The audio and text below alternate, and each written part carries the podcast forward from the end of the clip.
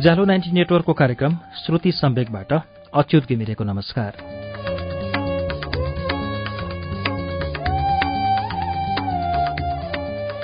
उज्यालो ninety network काठमाडौँसँगै देशभरिका विभिन्न FM स्टेशनहरूबाट एकैसाथ हरेक मंगलबार र शुक्रबार राति सवा नौ बजे कार्यक्रम श्रुति सम्वेक प्रसारण हुन्छ। श्रुति सम्वेकमा हामी वरिष्ठ लेखकहरूका उत्कृष्ट कृतिहरू वाचन गर्छौं।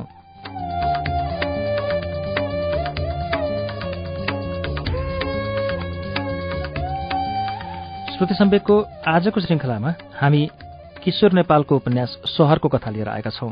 हामीले विगत चार सातादेखि यो उपन्यास तपाईँलाई सुनाउँदै आएका छौं। सहरको कथामाथि हिमाल खबर पत्रिकाका रामजी दाहाल भूमिका लेख्नुहुन्छ। द्वन्द प्रभावित समाजको चित्र उतारिएको उपन्यास परम्पराप्रतिको विकर्षण र आधुनिकताप्रतिको आकर्षणको चेपुवामा परेका नेपाली युवतीहरूको कथा बनेको छ।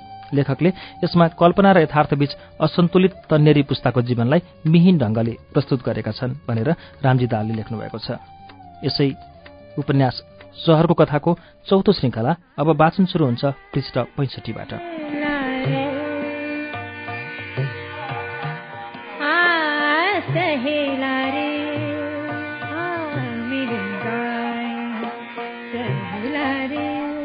मानिसका जीवन र मृत्युसँग जोडिएका घटना केलाइरहेकै बेला अरोजाको फोन आयो अचानक। उसको फोन अचानक नै आउने गर्दथ्यो। उसले मसँग निम्तो मागे आज साँझ डिनर खाउँ न। बरु कहाँ खाने? डिनरमा निकै अबेर हुन्छ होला। मसँग मेरो बोयफ्रेन्ड पनि ल्याउँछौ हुन्न?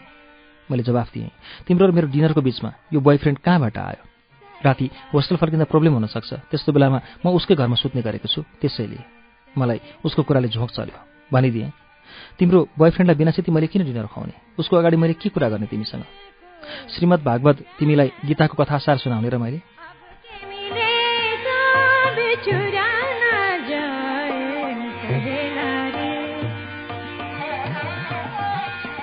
उसले भने त्यो त तपाईँले ज्वाइँ भन्न सुहाउने मान्छे हो। उसँग झोक चल्ने कुरै भएन नि।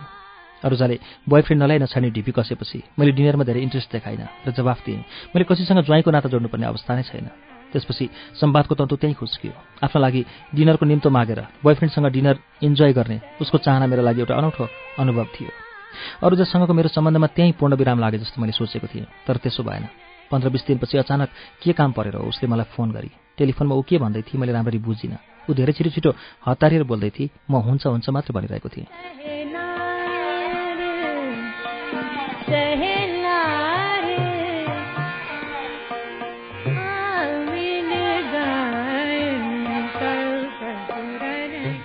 त्यसको भोलिपल्टै उसको मेसेज आयो। म जस्तै सुन्दरीसँग बसेर डिनर खान पनि घडी पलाएर जोखाना हेर्नुपर्छ र? आज डिनर खुवाउने होइन त?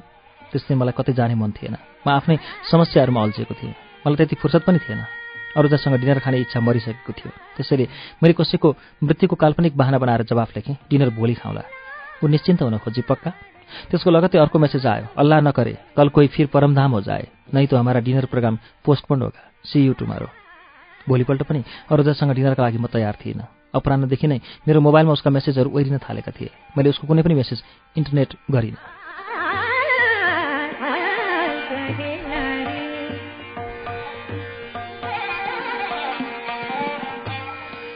मैले उसको कुनै पनि मेसेज इन्टरटेन गरिनँ। अरूजासँग डिनर खानुपर्ने अवस्थाबाट जोगिनका लागि मात्रै। त्यस दिन म एकजना साथीसँग केही व्यावहारिक कुरा गर्ने बाहनामा धुलीखेल पुगेको थिएँ। धुलीखेलमा नै रात बिताउने योजना थियो मेरो। साँझ सात बजेतिर म धुलीखेल पुग्दासम्म अरूजाका मेसेजहरू ओहिरिरहेका थिए। केटी निकै आत्तिएकी थिए। मैले सोचेँ यो त अति भयो। अब त कुनै न कुनै बाहना बनाउनै पर्यो। उसका सबै एसएमएसहरूलाई समेटेर मैले एकमुष्ट जवाफ लेखेँ। म अफिसको एउटा जरुरी मिटिङमा फँसेको छु धुलीखेलमा। आज त्यता नफर्किन पनि सक्छु। सरी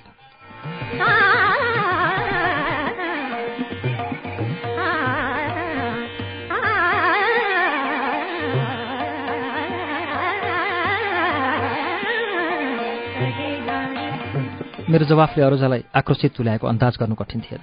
कसैलाई डिनर खुवाउने वचन दिएर तयार राख्नु र निर्धारित समयमा अपोइन्टमेन्ट क्यान्सल गर्नु मुखमा हाल्न लागेको गाँस खोस्नु जस्तै हो। मैले मनमा नै सोचेँ अरूजा घाइते बगिनी बनेकी ओली। म अगाडि पऱ्यो भने चिथर छे ओली। त्यो दिनपछि मैले अरूजासँग सम्पर्क राख्ने प्रयत्न नै गरिनँ। उसले पनि मलाई खोज्ने चासो देखाइन म अफिसको काममा व्यस्त हुँदै गएँ। पहाड तराई र लेक बेसीतिरको मेरो योजना र यात्रा लम्बिन थाल्यो। पहाडका धेरै बस्तीहरूमा अरोजाका उमेरका धेरै केटीहरूसँग मेरो भेट भइरहन्थ्यो। उनीहरू हिंसाका कारण विस्थापित भएका थिए। कोही घरबाट कोही स्कुलबाट कोही गाउँबाट।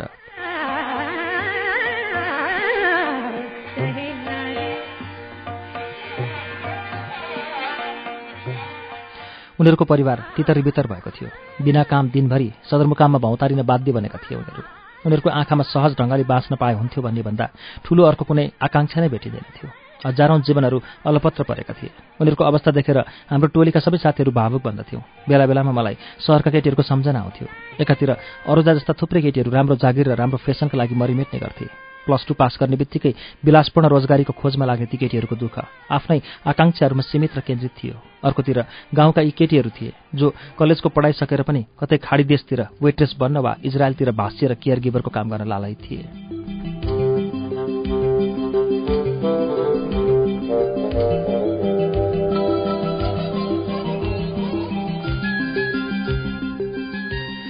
प्युठानको खलङ्गा बजारमा दुब्लाएर टट्टु भएकी उमासँग भेट भएको थियो मेरो। उसको जेठो दाजु दस वर्ष अघि नेपाली सेनाको सिपाहीमा भर्ती भएर सुबेदार पदमा पुगिसकेको थियो।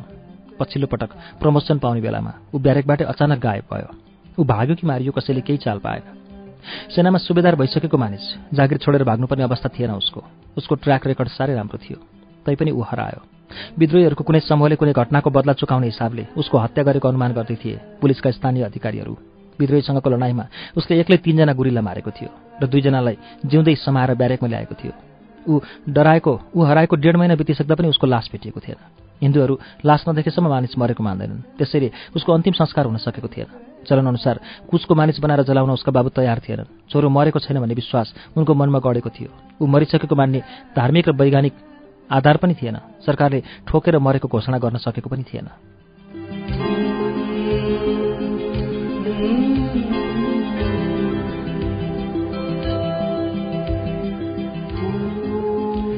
लक्का जवान छोरो हराएको पिरले बुढा भइसकेका बाबुआमा जीर्ण भएका थिए। त्यही तोडमा भाइ माओवादीमा लागेको थियो। भाइको ज्यानमा तातो रगत प्रवाहित भइरहेको थियो। सानै उमेरदेखि समाजका ठालुहरूले गरिबका छोरालाई गरी खान दिँदैनन् भन्नेमा ऊ पुरै सहमत थियो। उसको विचारमा उसको दाजु ब्यारेकभित्रकै ठालुहरूको षड्यन्त्रको शिकार भएको थियो। छरछिमेकका कोही पनि उसको यो कुरा मान्न तयार थिएन। ब्यारेकका हाकिमहरूले यस्तो कुरा गरेको सुईको मात्रै पाए पनि गाउँमा टिक्न दिँदैनन् भन्ने परेको थियो सबैको मनमा। भाइ पहिलेदेखि नै माओवादी समर्थक थियो। बिजुवारको पुल बनाउने प्रोजेक्टमा ठेकेदारले कामदारहरूलाई सताउन थालेपछि उसैले ठेकेदारलाई समातेर रगत छादुन्जेल ठोकेको थियो। यो घटनामा चारजना कामदार पक्राउ परेका थिए। चाहिँ भाग्न सफल भएको थियो।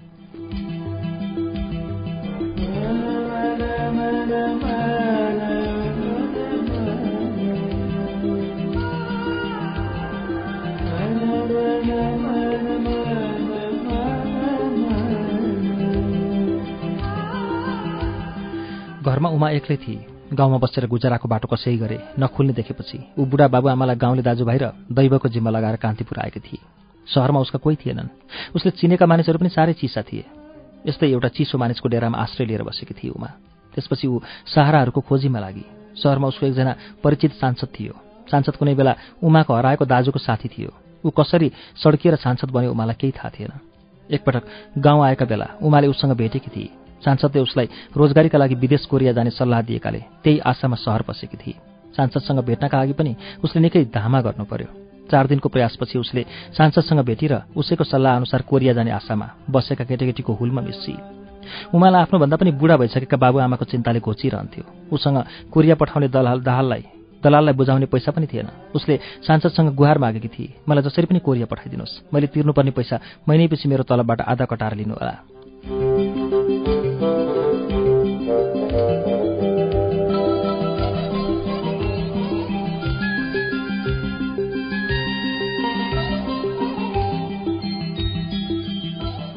कुरिया पुगेर पैसा कमाउने धुनमा ऊ जेसुकै गर्न पनि तयार थिए। जोसुकैको ओछ्यान बन्न पनि ऊ राजी भएकी थिए। तैपनि ऊ कोरिया जान पाइन उसलाई कोरिया जान हौस्या र आश्वासन दिने सांसदले कोट टकटकाउँदै भनेको थियो केटीहरूका लागि कोरिया जाने कोटा नै सकिएछ। पहिलो लटमा जति गए गए अब जाँदैनन्। उसको कुरा सुनेर उमा खङ्रङ्ग भएकी थिए। उसको थाप्लोमा आकाश खसेर बज्रिए जत्तिकै भएको थियो। त्यस दिन ऊ बलिन्द्र धारा आँसु बगाउँदै त्यो सांसदको पछि पछि कान्तिपुर सहरका गल्ली गल्ली घुमेकी थिए। उसले एक निमेषका लागि पनि छोडेकी थिएन त्यो सांसदलाई। केही सिप नलागेपछि सांसदले भनेको थियो कोरिया नै किन जानु पर्यो र? त्यहाँ कमाउने जति पैसा तिमी यहीँ पनि कमाउन सक्छौ। म तिमीलाई आजदेखि क्यासिनोमा काम लगाइदिन्छु।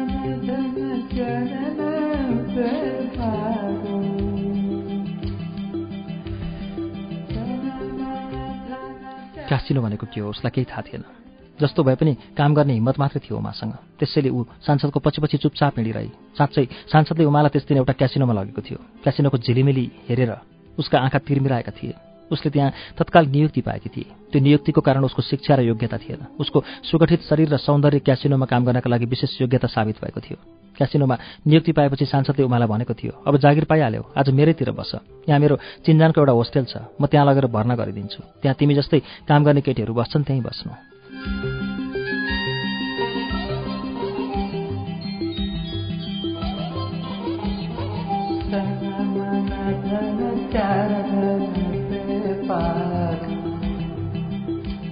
सांसदको आशय बुझ्न बेर लागेन उमालाई। ऊ त्यति नबुझ्ने केटी थिएन। गाउँका बा आमाहरूले दाजुको साथी दाजु सर नै हुन्छ भनेको सुनेकी थिए उसले। त्यो त सुन्ने र भन्ने कथा मात्र थियो। उसले त्यो रात सांसदको ओछ्यानमा आफूलाई समर्पित गरेकी थिए। सांसदले क्यासिनोमा जागिर लगाइदिए बापत उसको शरीर भोगेर पुरै मूल्य असुल गरेको थियो। भोलिपल्ट सांसदले नै उसलाई वैजन्तीको होस्टेलमा भित्राएर थानको लगाइदिएको थियो।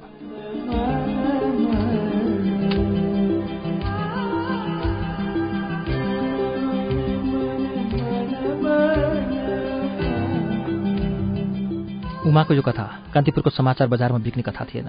यस्ता कथाहरू एउटा दुईटा होइन हजारौँ थिए। कति लेखेका पनि थिए। धेरै त अझै लेखिन बाँकी नै छन्। एउटै विषयवस्तुका हजारौँ कथाहरू एकैसाथ सबैतिर प्रस्तुत हुन थालेपछि पढ्ने मानिसहरू उक्ताउँछन्।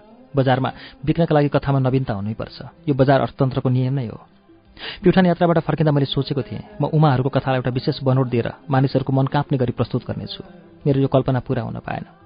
मानिसहरूको मन स्थिर ढुङ्गा जस्तो भइसकेको थियो जसलाई कुनै घटनाले पनि हल्लाउन सक्दैन थियो। संवेदनरहित समयले मानिसको मन नै सुकाइदिएको थियो। रगतका आहाल जताततै थिए। जिउँदै गाडिएका ज्यानहरूको उत्खनन हुँदै थियो। हिंसाका यस्ता सामान्य कथाहरू प्रस्तुत गर्न कुनै प्रकाशक तयार थिएनन्। नेपालमा शान्ति स्थापनाका लागि आएका विदेशी संस्थाहरू लास गन्दा गन्दै थाकिसकेका थिए।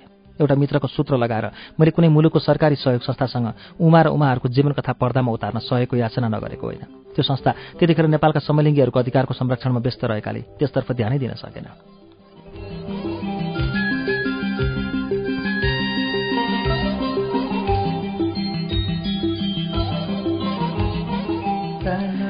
उमाहरूको कथा उनीहरूको लागि निर्धन राष्ट्रहरूमा जतासुकै भेटिने एक प्रकारको स्वाभाविकता बाहेक केही पनि थिएन।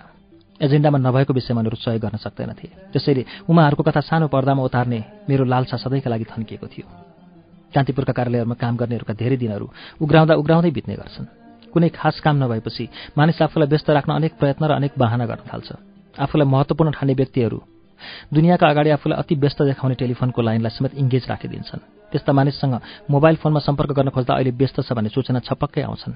मानिसहरू मोबाइललाई बिजी मोडमा राखेर आफू व्यस्त भएको ढोङ रच्दछन् यस्तै भएको थियो मलाई पनि। तिन दिनदेखि म एकजना साथीसँग सम्पर्क गर्न खोज्दै थिएँ। उसको मोबाइल बिजी थियो। मलाई साथीसँग भन्दा पनि मोबाइलसँग रिस थालेको थियो।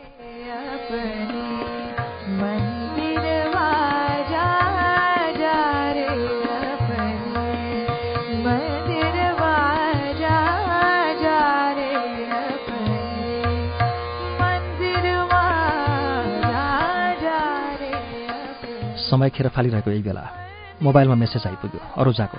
उसले लेखेकी थिए enjoy the sweetest thing in the whole galaxy and say I love you happy Valentine Day म कति बेला आउँ?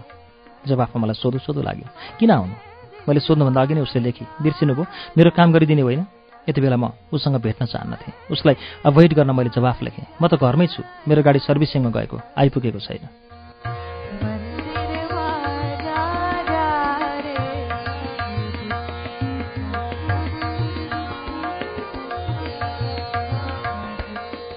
उसले केही लेखिन। त्यसपछि मेरो व्यवसायसँग सम्बन्धित केही महत्त्वपूर्ण मेसेजहरू आए। क्रान्तिकारी पार्टीका सुप्रिमो पश्चिम नेपालको भ्रमण छुट्याएर प्रधानमन्त्रीसँग वार्ता गर्न राजधानी आउँदै थिए। फर्किनु अघि नेपालगञ्जमा पत्रकारहरूलाई उनले बोलाएका थिए बताएका थिए आउँदो तिन दिनभित्र अन्तरिम सरकारको गठन हुन्छ। रमाइलो कुरा। त्यसको केही बेरपछि नै सरकारसँग क्रान्तिकारीहरूको वार्ता स्थगित भएको घोषणा भएको थियो। धनगढीमा आयोजित क्रान्तिकारीहरूको विशाल जनसभा पनि रोकिएको थियो। राजनीतिक हिसाबले समय अत्यन्त चञ्चल थियो। सरकारी निर्णयहरू एक एक छिनमा फेरिन्थे। जनसभा रोकेको केही क्षणपछि नै धनगढी सभा रद्द नगर्ने निर्णय गरिएको थियो। कैलालीमा प्रस्तावित क्यान्टोनमेन्टका छेउछाउमा छापामारहरू घोर असुविधामा जीवन गुजारिरहेका थिए। भीषण वर्षाका कारण दुईजना छापामारको मृत्यु भइसकेको थियो सातजना घाइते भएका थिए।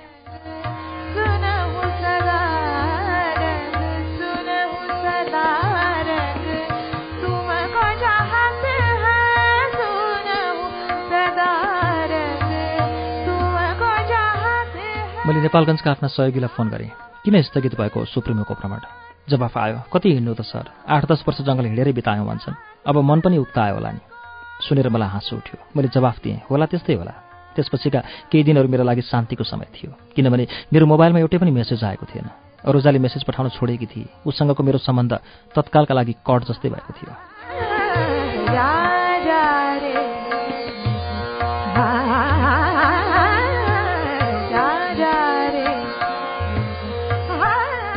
यो अवस्था धेरै दिन भने रहेन केही दिनपछि अरोजासँग मेरो सम्बन्ध पुनः स्थापित भयो। अचानक उसको मेसेज आयो। ठुला मान्छेहरू कस्तो बोलीको ठेगान नभएका हुँदो रहेछन्। आहा hello sir where are you these days चाहेर पनि मैले अरोजासँग भेट्न सकिरहेको थिइनँ। साँझ सात नबज्दासम्म म कामबाट फुर्सद पाउँदिन थिएँ। सात बज्ने बित्तिकै अरोजाको दिमाग टेन्स हुन थाल्दथ्यो साढे सात बजेभित्र नपुगे खाना खान नपाइने नियम नै थियो उसको होस्टेलको। नौ बजेपछि होस्टेलकी वार्डन बैजयन्तीले कसैलाई पनि भित्र छिर्न दिँदैन थिए। अरोजाबाट उसको होस्टेलको कथा सुनेपछि मैले सोधेको थिएँ यति यस्तो पनि हुन्छ र? उसले जवाफ दिएकी थिए हुन्छ भइरहेको छ तर हामी नै कम छैनौँ। नौ बजेपछि मूल ढोका बन्द भए पर्खाल नागेर होस्टेलभित्र छिर्न सक्छौँ। पालेहरूलाई आँखा झिम्क्याएकै भरमा पनि काम चलाउन सकिन्छ।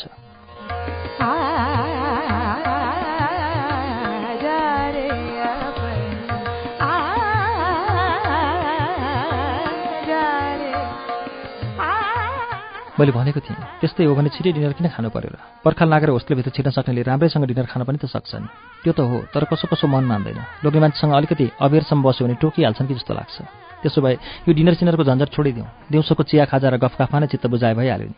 कुनै अर्थ नभइकन बिना छित्ती खाने चिज पनि होइन डिनर। सायद तिम्रो पुरपुरमा मसँग डिनर खाने लेखेको पनि छैन। मसँग डिनर खाने भन्दा पनि कुनै ठुलो र राम्रो रेस्टुरेन्टमा डिनर खाने रहर थियो अरूचाको सङ्गीतले तरङ्गित भइरहेको शान्त वातावरणमा डिनर खाँदाको अनुभव र आनन्द भोग्न चाहन्थ्यो। उसले त्यसैमा जोड दिइरहे। मैले उसलाई कुनै अर्को दिन डिनर खुवाएरै छोड्ने बाचा गरेँ। उसले र मैले त्यस दिन अर्को सहमति पनि गऱ्यौँ सबै भेटघाटको समय नहुने भएकोले दुवैलाई पाएक पर्ने समयमा नियमित एसएमएस वार्ता गर्ने सबै महत्त्वपूर्ण विचार र कार्यक्रमहरूको आदान प्रदान पनि एसएमएसबाटै गर्ने।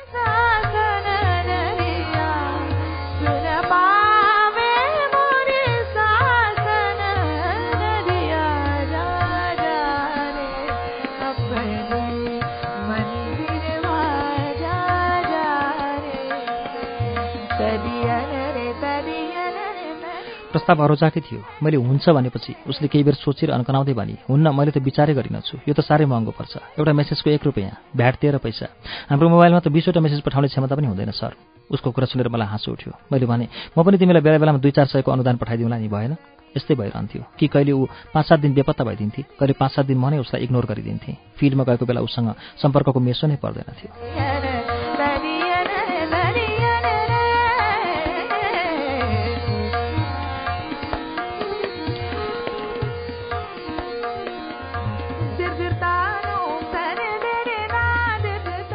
तीन महिनाको अन्तरालपछि म फेरि एकपटक फिल्डमा गएको थिएँ। सुदूरपश्चिमका जिल्लाहरूको एक्काइस दिन लामो भ्रमणपछि कान्तिपुर फर्कने क्रममा म आफ्नो टिमका साथ नेपालगञ्ज आइपुगेको थिएँ। जनताले नेपालगञ्जबाट कान्तिपुर जाने मुख्य राजमार्ग साता दिनदेखि बन्द गरिदिएका थिए। कतै ट्रकले ठक्कर दिँदा मरेको भैँसीको कारण कतै दङ्गामा परेर मरेकाहरूको परिवारले क्षतिपूर्ति नपाएका कारण कतै एम्बुलेन्सले बिरामी नलगिदिएका कारण कतै सरकारी प्रकाशकले समयमा विद्यार्थीहरूलाई पाठ्य पुस्तक उपलब्ध गराउन नसकेका कारण कारणहरूको जन्जाल थुप्रिएपछि खण्ड खण्डमा राजमार्ग थोएर समाधान खोजिएको थियो। त्यसैले हवाई यात्राको अर्को विकल्प थिएन त्यो पनि प्याक थियो। हामी टिकटका लागि चिने जानेका पुलिसहरू सरकारी अधिकारीहरू विमान कम्पनीका कर्मचारीहरू होटेलवालाहरू सबैसँग हारगुहार गर्दै थियौँ। चाहेर पनि कसैले हामीलाई टिकट उपलब्ध गराउन सकेको थिएन। हामीले भारतको बाटो रेल चढेर कान्तिपुर फर्किने योजना नबनाएका होइनौँ। कसो कसो के नमिलेर हो। हामी नेपालगञ्जमा नै अड्किरहेका थियौँ। भारतको बाटो रक्सल छिचल्ने जाँगर हामी कसैमा पनि थिएन।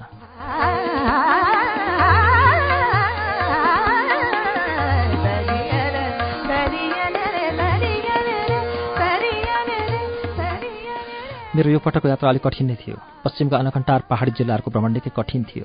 थकाइले लस्त भएको शरीरलाई होटलको कोठामा बिसाएर हामी दुई दिनदेखि फिर्ती टिकटको चाँजो पाँचो मिलाउँदै थियौँ। मसँगै गएको फोटोग्राफर आफ्नो क्यामेरा सुमसुमाउँदै बाजुराबाट बजाङ जाँदा बाटामा देखेका प्राकृतिक दृश्यहरूको सम्झनामा चुर्लोमा डुबेको थियो। ऊ आफूले खिचेका तीन हजार जति तस्विरहरूलाई दोहोऱ्याइ तेह्र हेर्दै थियो। आकाशमा हेलिकप्टर वा हवाईजहाज देख्ने बित्तिकै चामल आयो चामल आयो भनेर उफ्रिँदै गरेका केटाकेटीको बथानको तस्विर देखाएर ऊ मलाई जिस्काउँदै थियो यो तस्विरले त ठुलै अन्तर्राष्ट्रिय पुरस्कार पाउनुपर्छ।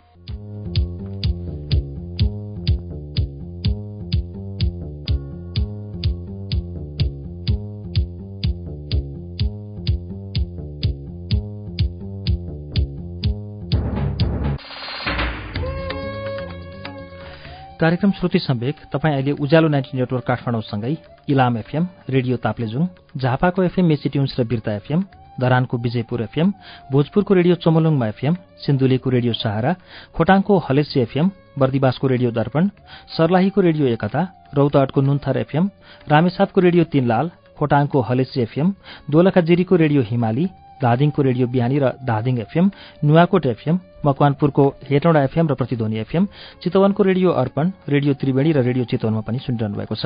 त्यसै गरी फलेवासको रेडियो पर्वत रुकुमको रेडियो सिस्ने पाल्पाको श्रीनगर एफएम पोखराको रेडियो तरंग दमौलीको रेडियो भानुभक्त तनहुको रेडियो ढोर बाराही बागलुङको रेडियो सारथी एफएममा पनि श्रुति सम्वेक सुन्दै हुनुहुन्छ। रेडियो प्युठान दाङको रेडियो मध्यपश्चिम बुटवलको तिनाउ एफएम र बुटवल एफएम गुल्मीको रेडियो रेसुङ्गा कपिलवस्तुको रेडियो बुद्ध आवाज रेडियो कुवलपुर सल्यानको रेडियो राप्ती जाजरकोटको रेडियो हाम्रो पाइला दैलेखको ध्रुवतारा एफएम कैलाली टेकापुर र गुलरियाको फुलबारी एफएम दाङको रेडियो प्रकृति एफएम सुर्खेतको रेडियो भेरी र बुलबुले एफएम जुम्लाको रेडियो कर्णाली र कालीकोटको रेडियो नयाँ कर्णालीबाट पनि अहिले एकैसाथ श्रुति सम्वेक प्रसारण भइरहेको छ। श्रुति सम्वेकमा हामी आज किशोर नेपालको उपन्यास सहरको कथा सुनिरहेका छौं। यसैको बाँकी अंश अब सुनौ।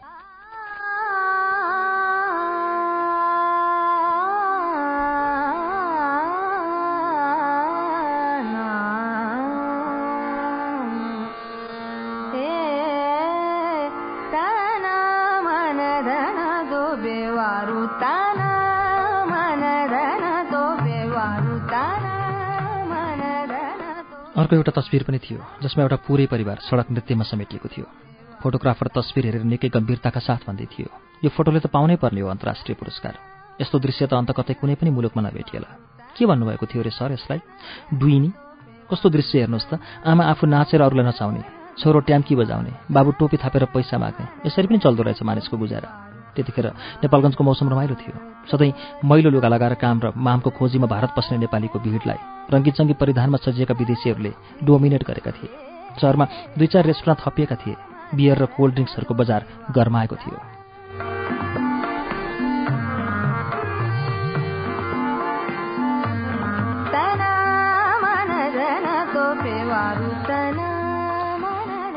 यो पटक अरोजासँग मेरो भेट नेपालगञ्जमै भएको थियो। उसले शान्ति आयोगमा चुनाव पर्यवेक्षणमा सहयोगीको जागिर पाएकी थिए। नेपाली सरकारको ढिलो चाल र विदेशीहरूले खोज्ने लजिस्टिकको अभावले आयोगको अफिस पुरै सक्रिय भइसकेको थिएन। चुनाव पर्यवेक्षण गर्ने विदेशी पदाधिकारीहरूको सहयोगका लागि आयोगले भर्ना गरेका प्लस टू लेभलका ठिटाठिटीहरूको लर्को लागेको थियो नेपालगञ्जमा। यी ठिटाठिटीहरूको सबैभन्दा ठूलो योग्यता थियो सामान्य ढङ्गले अङ्ग्रेजी पढ्नु लेख्नु र बुझ्नु। दाताहरूलाई थप कुनै योग्यता चाहिएको थिएन। यी ठिटाठिटीले कहिले गाउँ देखेका थिएनन्। चुनावका बारे उनीहरूलाई सामान्य ज्ञानसम्म पनि थिएन। राजनीतिको रहसम्म पनि थाहा पाएका थिएनन् बिचराहरूले।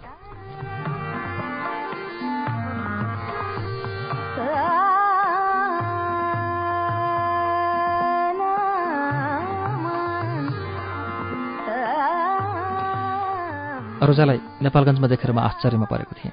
ऊ हामी बसेकै होटलमा केही विदेशीहरूसँग लन्च खाँदै थिए। उसको पहिरन आकर्षक थियो। उसले नयाँ स्टाइलको चम्किलो स्कर्ट लगाएकी थिए। स्कर्टको कुमबाट दुईवटा तुना लर्किरहेका थिए। ती दुवै तुनाको गाँठो बडो कलात्मक पाराले मिलाएर बाँधिएको थियो। स्कर्ट अलिकति छोटै देखिन्थ्यो। देख्दै सिमलको बुवा जस्तो हलुको होला जस्तो लाग्ने खालको छालाको बुट लगाएकी थिए उसले। मलाई देखेर ऊ एकपटक झस्की। एकछिन अकमकाई र आफ्नो टेबलबाट उठेर मतिर आए ओहो तिमी कता? मैले आश्चर्य मान्दै सोधेँ। उसले जवाफ दिए मैले शान्ति आयोगमा जागिर खाएँ। कामको सिलसिलामा सल्यान जानुपर्ने। एक दुई दिन यहाँ ओरिएन्टेसनका लागि रोकिएकी छु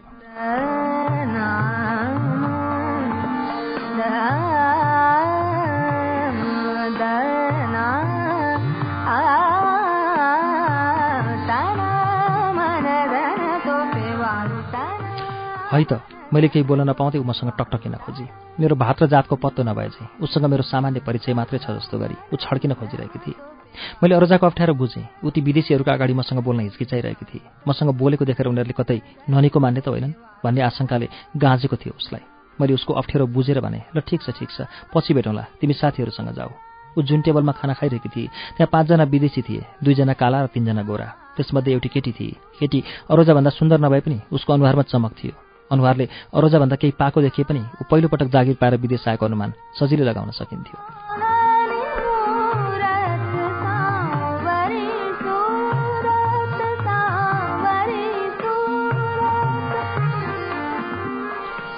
भोलिपल्ट शनिबार परेको थियो। अरोजा मलाई खोज्दै बिहानै होटलमा आइपुगी। त्यतिखेर म ओछ्यानमा पल्टेर चिया पिउँदै थिएँ। मेरो कोठाको ढोका ढकढक गऱ्यो मैले ढोका खोलेँ। ढोकामा उसलाई देखेर मलाई रमाइलो पनि लाग्यो। ऊ सोझै मेरो कोठामा आएकी थिए। धेरै बेरसम्म उसले मलाई एकटक हेरिरहे उसको त्यो हेराइ निरपेक्ष थिएन। उसको आँखाले मसँग केही भन्न खोजिरहेका थिए तर ऊ निकै बेरसम्म निशब्द बसी। धेरै बेर यसरी निहालेर हेरिसकेपछि मात्रै उसको बोली फुट्यो। हिजो तपाईँसँग छड्किनु पर्यो। हाकिमहरूसँग लन्च खान आएकी थिएँ। केही भनि पो हाल्लान् कि भनेर हच्किए कि? तपाईँ कहिले आउनुभएको यतातिर? मैले उसलाई केही बताइनँ। एकपटक उसलाई हेरिरहेँ। ऊ कोठामा पसेदेखि नै एक प्रकारको आनन्दको अनुभूति आइरहेको थियो मलाई।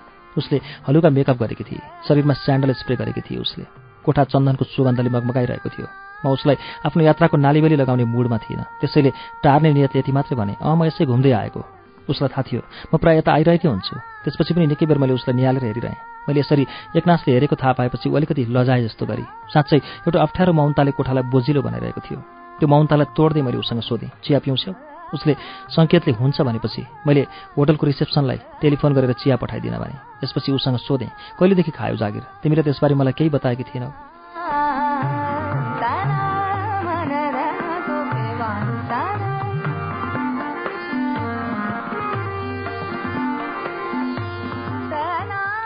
उसले भने अँ बताउनै पाएकी थिएन मैले मेलबाट अप्लाई गरेकी थिएँ। भोलिपल्ट इन्टरभ्यूको लागि बोलाएर भर्ना पनि गरिहाल्यो। मलाई थाहा थियो अरू चाहिँ गफ दिइरहेकी थिए। शान्ति आयोगमा काम पाउनु त्यति सजिलो थिएन। योग्यता प्रक्रिया र समान अवसरको कुरा जतिसुकै गरे पनि मानवाधिकारवादी नेताहरू शान्तिको पक्षमा काम गर्दै आएका अभियन्ताहरू र विभिन्न जातीय र क्षेत्रीय अभियानमा लागेका व्यक्तिहरूको सिफारिस नभई शान्ति आयोगमा कसैले काम पाउनै सक्दैनथ्यो त्यसमा सरकारका मन्त्रीहरूको पनि पहुँच हुन्थ्यो। आयोगको भर्ना प्रक्रिया निष्पक्ष छ भनेर जतिसुकै हल्लामा चाहे पनि वातावरण त्यस प्रकारको थिएन। मैले अनुमान लगाएँ। त्यो निष्पक्ष वातावरणलाई आफ्नो पक्षमा बनाउन। अरूजाले पक्कै पनि कसैलाई गुहारेकी थिए भने केटी मसँग कुरा लुकाउन खोजिरहेकी थिए।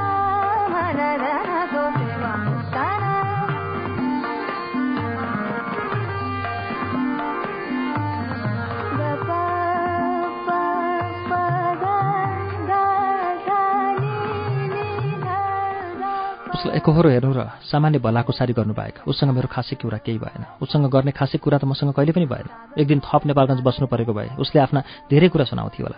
कसो कसो साथीहरूले कान्तिपुरबाटै हवाई टिकटको व्यवस्था गरिदिएकाले हामी त्यही साँझ कान्तिपुर फर्क्यौँ। त्यसपछिका दुई महिनासम्म अरोजा मेरो सम्झनाको अर्काइभमा थुपुक्क बसी।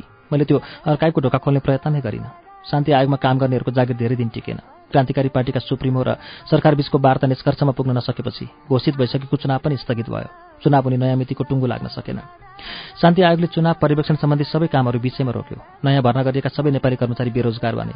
त्यसरी बेरोजगार भएको दुई सातापछि मात्र अरोजा कान्तिपुर फर्की। यो दुई साता उस शान्ति आयोगमा जागिर टिकाउने प्रयत्नमा लागेकी थिए। उसले आफूले चिने जति सबै पदाधिकारीहरूसँग हारगुहार गरेकी थिए। सबैले उसलाई आश्वासन दिएका थिए। कसैले पनि नाइ भनेका थिएन कान्तिपुर फर्किँदा उसले आफ्ना झिटिकुन्टा बाहेक विदेशीहरूले दिएका एक भारी आश्वासन बोकेर ल्याएकी थिए।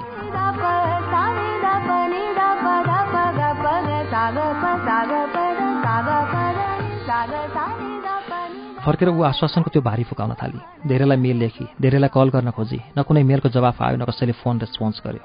लगातार घन्टी बजे पनि कसैले फोन उठाएन। ल्यान्डलाइनमा फोन गर्दा उसले खोजेको मान्छे कि मिटिङमा हुन्थ्यो कि सिटमा हुँदैन थियो। लामो समयसम्म एउटै कुरामा टिकिरहन सक्ने स्वभाव थिएन अरोजाको ऊ आश्वासनको भारी जति छिटो फुकाउँथे त्यति नै छिटो निराश हुन्थे। आश्वासनको बोझले ऊ धेरै थिचेकी थिए र निकै थाकिसकेकी थिए। उसको शरीर आक्रोशले तन्तमाउन थालेको थियो। आश्वासन दिने व्यक्तिहरूको अनुहार सम्झेर ऊ घिनाउन थालेकी थिए। जीवनको कठोर सत्यको पहिलोपटक सामना गर्नु परेको थियो उसले।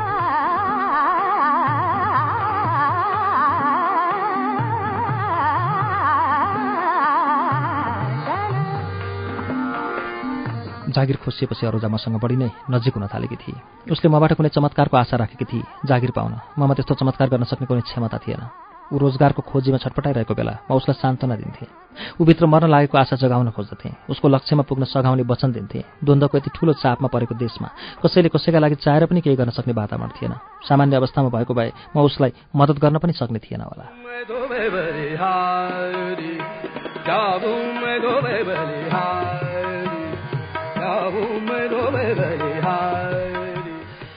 अपरान्न मैले अरूजालाई खाना खान बोलाएँ।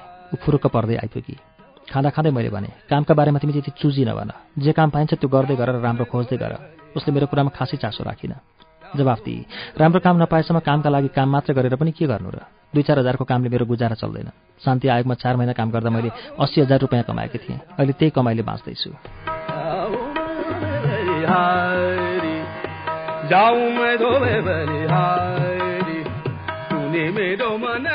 उसको कुरा सुनेर मलाई झोक चल्यो।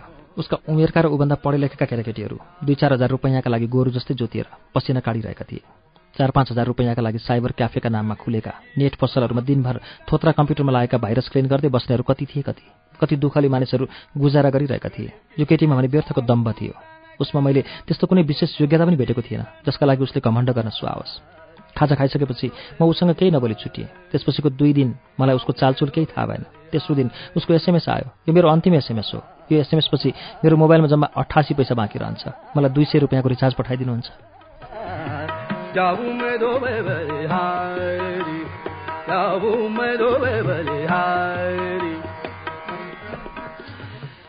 मैले उसको मोबाइलमा पाँच सय रुपियाँको रिचार्ज पठाइदिएँ। जवाफमा उसले देखि धन्यवाद यार दुई सय भनेको थिएँ पाँच सय आयो। मैले मेरो डायरीको हिसाब किताबको पन्नामा तिम्रो नाममा पाँच सय रुपियाँ ऋण लिएको टिपोट गरेँ। अब म एसएमएस सफरमा लागेँ तिमी मेरो यो सफरको सहयात्री हुन चाहन्छौ? कस्तो केटी? मागेर एसएमएसको आनन्द लिन्छे। उसले लेखेको ऋण शब्दलाई मैले अलिकति पनि महत्त्व दिइनँ। उसको मेसेज नै मलाई रमाइलो लाग्यो। यो पनि जीवनको एउटा स्टाइल हो।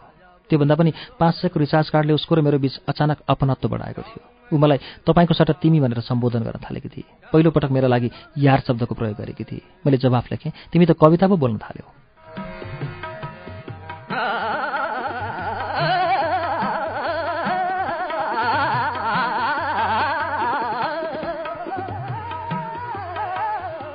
उसले लेखी हो त भूपी सेसनको घुम्ने मेचमाथिको अन्धो मान्छे कविता सङ्ग्रह ल्याएकी थिएँ लाइब्रेरीबाट।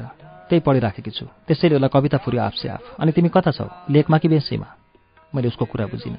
नयाँ जेनेरेसनका मानिसहरूको भाषा बुझ्नु कठिन नै हुन्छ। सोधेँ लेख बेसी भनेको के नि? ठुलाबडासँग मिटिङमा छौ भने तिमी लेखमा छौ? हामी जस्ताको बिचमा बसेका छौ भने अनि तिमी बेसीमा छौ? मैले जवाफ दिएँ अहिले म लेख बेसीमा होइन समथरमा छु। भोलि बिहान एकजना विदेशी मित्रसँग ब्रेकफास्ट मिटिङ छ मेरो।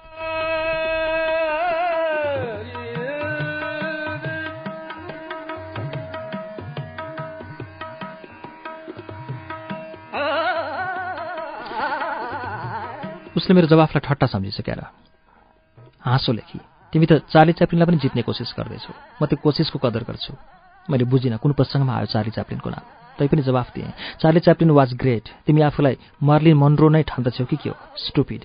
होइन म त अचेल पढन्ते भएको छु। अब क्यामिला र चार्ल्सको प्रेम कथा पढ्ने विचार गर्दैछु। डायना भर्खर चिद्दाएँ। मैले उसलाई फुर्क्याउने हिसाबले लेखेँ तिमी मलाई खुब वाक्य पुरानो लेख्दै मेरो औँलाले किप्याडको सेन्ड बटन थिचेछ। मेसेज सेन्ड भइहाल्यो। राम्री लाग्छौ लेख्न भ्याइन मैले। के खुब? किन वाक्य पुरा नगरेको? मैले देखेँ भो छोड मलाई जाडो भएको छ। होइन होइन तिमी मलाई खुब पछि तिम्रो वाक्य बसी जस्तो छ नि। तिमीले भन्न चाहेको पुरै कुरा खुस्केन नि। मैले फेरि देखेँ होइन मलाई जाडो भएको छ भन्न खोजेको।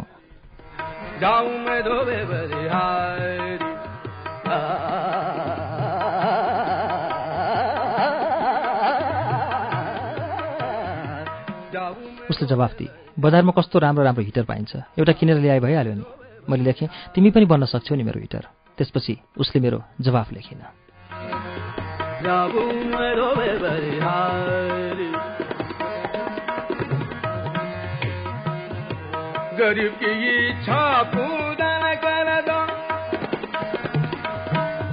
मैले बुझिसकेको थिएँ। अरू त मसँग शारीरिक सम्बन्ध राख्न चाहन्न। यसमा मलाई कुनै दुविधा थिएन। र पनि म उसलाई जिस्काइरहन्थेँ। उसले आफूलाई मेरो क्षमता र हैसियतमा पुर्याउने इच्छा राखेकी थिएन। उसले मसँग सम्बन्ध घनिष्ठ बनाउनुको सत्य यति मात्रै थियो कि ऊ मेरो टाईको फेर समातेर अघि बढ्ने सम्भावनाहरू पत्ता लगाउँदै थिए। बायोडाटाको रेफरेन्स कोलममा मेरो नाम लेखेर आफ्नो व्यक्तित्वको विलक्षणतालाई सहरमा स्थापित गर्ने चाहना थियो उसमा। उसका विलक्षणता के थिए त्यो उसैलाई थाहा थिएन। उसका लागि मेरो हैसियत साँच्चै नै बायोडाटामा लेखिने एउटा रेफरेन्सभन्दा बढी थिएन। त्यस्तो रेफरेन्स जसका बारेमा काम खोज्नेहरूले सोचेका हुन्छन् कि नाम देख्ने बित्तिकै काम दिनेले बोलाइहाल्छ। वास्तविकतामा त्यस्तो केही हुँदैन। बदलेको समयमा काम खोज्नेले काम दिनेसँग डाइरेक्ट कनेक्सन नबनाएसम्म बाहिरटा पढेकै भरमा कसैले कसैलाई काम दिँदैन। अझ केटीहरूको मामिलामा त काम दिनेहरू बढी नै सजग हुन्छ। सबैजसो मानिसमा कामको खोजीमा लागेका केटीहरू आफै कनेक्टेड हुन आइपुगुन् भन्ने चाहना हुन्छ।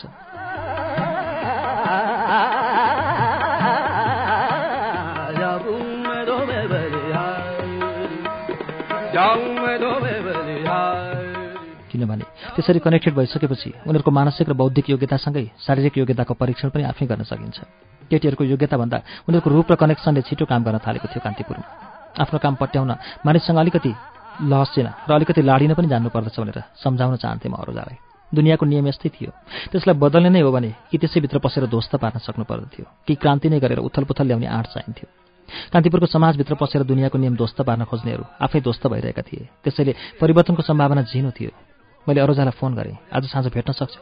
तिमीसँग मेरो केही जरुरी कुरा गर्नु छ। उसले सोधी कहाँ? अरुजासँग म प्राय रेस्टुरेन्टमा नै भेट्दथेँ उसलाई घरमा बोलाएर भेट्ने चाहना मैले कहिले राखिनँ। घर एउटा वातावरण हो जहाँ घरको मूल मानिसको अतिरिक्त सम्बन्धका लागि कुनै स्पेस हुँदैन। कहिलेकाहीँ व्यावसायिक आवश्यकताहरू पूरा गर्न महत्त्वपूर्ण मानिने मानिसलाई डिनरमा निम्त्याउनु अलग्गै कुरो हो। मैले उसलाई अफिसमा पनि कहिल्यै बोलाइनँ किनभने सहरका अफिसहरू ठुलो पार्क जस्ता हुन्छन् जहाँ मानिसहरूको आवत जावत र चियो चर्चो निरन्तर भइरहेको हुन्छ। सधैँ चाहिँ मैले सहरको एउटा चहकिलो रेस्टुरेन्टमा उसलाई निम्ताएँ।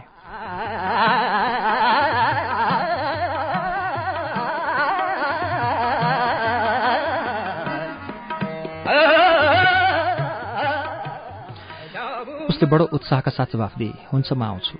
यसपटक उसले बोयफ्रेन्ड लिएर आउँछु भन्ने नखरा पनि गरिन ऊ रेस्टुराँको नाम सुनेर नै मसँग भेट्न उत्साहित भएको थियो सहरका धेरै ठिटाठिटीहरूका लागि यो रेस्टुराँ एक प्रकारको सपना भनेको थियो। यसका केही आफ्नै नियमहरू थिए। प्रवेशका लागि या त मेम्बर बन्नुपर्थ्यो या त म्यानेजमेन्टले पत्याएको व्यक्तित्व पर्थ्यो यो सहरको सामान्य ह्याङआउट थिएन। खाना महँगो भएकोले आफ्नै पैसा खर्च गरेर खाने मानिसहरू यहाँ आउन रुचाउँदैनथे अफिसबाट जनसम्पर्क र मनोरञ्जनका लागि खर्चको छुट पाएका बलादमीहरू भने हप्ताको तिन दिन यतै झुन्डिरहेका देखिन्थे।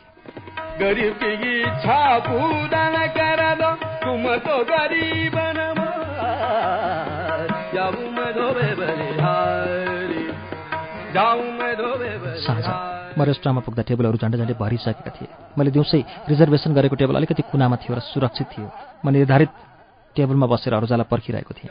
समयमा नआइपुगेपछि मैले उसलाई फोन गरेँ। ऊ रेस्टुरेन्ट बाहिर उभिरहेकी थिएँ। सरासर रेस्टुरेन्टभित्र पस्ने आँटै गर्न सकिनेछ। कस्तो साहस नभए केटी।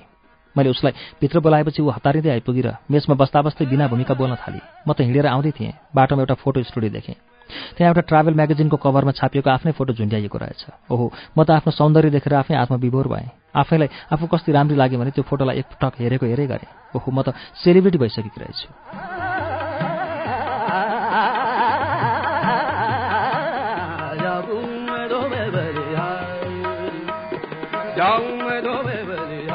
केही समय अघि अङ्ग्रेजी भाषाको एउटा ट्राभल पत्रिकाले आफ्नो मुख पृष्ठमा माछा पुस्रे हिमाललाई पृष्ठभूमिमा राखेर उसको फोटो छापेको थियो।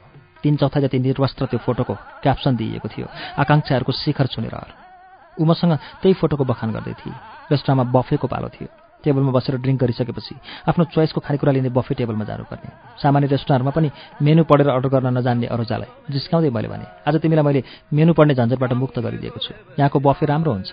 बफेमा आफूलाई जे मन लाग्छ त्यो छानेर खान पाइन्छ। के पिउँछौ? हुस्की जिन भोड्का वाइन बियर कोक के?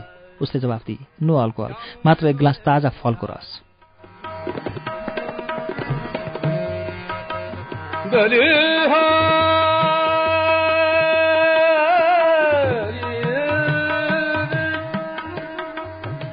मैले कर गरेँ। एक ग्लास वाइन पिउ न। यहाँ साह्रै राम्रो फ्रेन्च वाइन पाइन्छ। उसले मानिन। उसलाई फ्रेन्च वाइनको स्वादको पत्तो थिएन होला। मेरो अन्दाज थियो। शान्ति आयोगमा काम गर्दा पार्टीहरूमा चाख्ने मौका पाएकी होली निकै बेरपछि रेस्टुरेन्टको वातावरणले नै उसलाई उत्तेजित तुल्याएछ क्यारे। भनी एक ग्लासभन्दा बढी पिउन त है त। मैले भने तिमीलाई रमाइलोको लागि पो पिउ भनेको त। मनै नभए त पानी मात्रै पिए पनि हुन्छ। मलाई के भएर ऊ मन्दा हाँसी। मैले उसलाई जिस्काउने नियतले भने ज्यानको सबै चिजबिज देखिने त्यस्तो फोटो पत्रिकामा छापेपछि अब तिमीसँग कसले बिहे गर्छ? कुनै कुल घरानको केटासँग बिहे हुने त आशै नगर।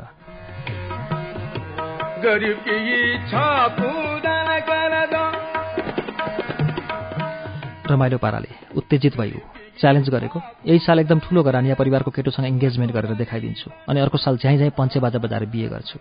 नेवारहरूको जस्तो बाजा बजाएर जन्तीको लर्कोसहित तिमी दुलाको घरमा जाने कि दुला तिमीलाई लिन आउने? मैले जिस्काएँ। ऊ एकछिन अकमकी। त्यसपछि बोल्न थाली दुला नै मलाई लिन आओस् भन्ने। मैले के गर्नुपर्छ? तिमीले बुझेका छौ म त्यस्तो दुला चाहन्न जसले मलाई तिमीसँग डिनर खान रोकोस् साथीहरूसँग मुभी जान रोकोस् अर्कोसँग सपिङ गर्न रोकोस्। नो है म अरू जाउँ म आफ्नै किसिमको जीवन बाँच्न चाहन्छु। अरू कसैसँग हिँडेको र हाँसेको देख्ने बित्तिकै ईर्ष्यालो मुटो जलाउने लोग्नेसँग मेरो सरोकार रहनेवाला छैन। मनले नरुचाएसम्म म कसैसँग बिहे गर्दिनँ। मनले नरुचाएको कसैसँग सुत्दा पनि सुत्दिनँ। बिहेपछि सधैँ एउटै ओछ्यानमा सुत्ने ग्यारेन्टी दिन पनि सक्दिनँ म। म त्याग गर्न सक्दिनँ। समाजका लागि म चुनौती भएरै बाँच्न चाहन्छु। यसैमा म खुसी पनि रहन सक्दछु।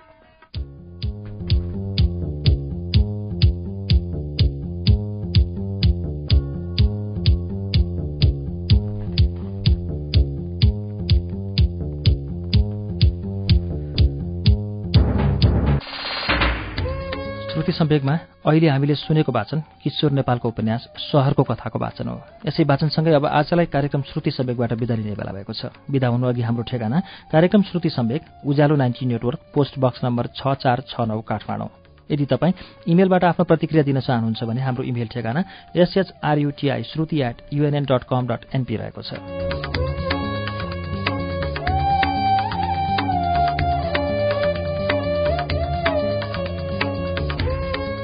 हवस् त। अर्को साता सहरको कथाको पाँचौं श्रृङ्खला लिएर आउनेछौँ। त्यसअघि मङ्गलबारको श्रृङ्खलामा कृष्ण धरावासीको उपन्यास पाण्डुलिपिको वाचन हुनेछ। आजका लागि प्राविधिक साथी दिनेश निरौला सहकर्मी मण्टेश्वरी राजभण्डारी र म अच्युत घिमिरे विदा चाहन्छौ। शुभरात्री।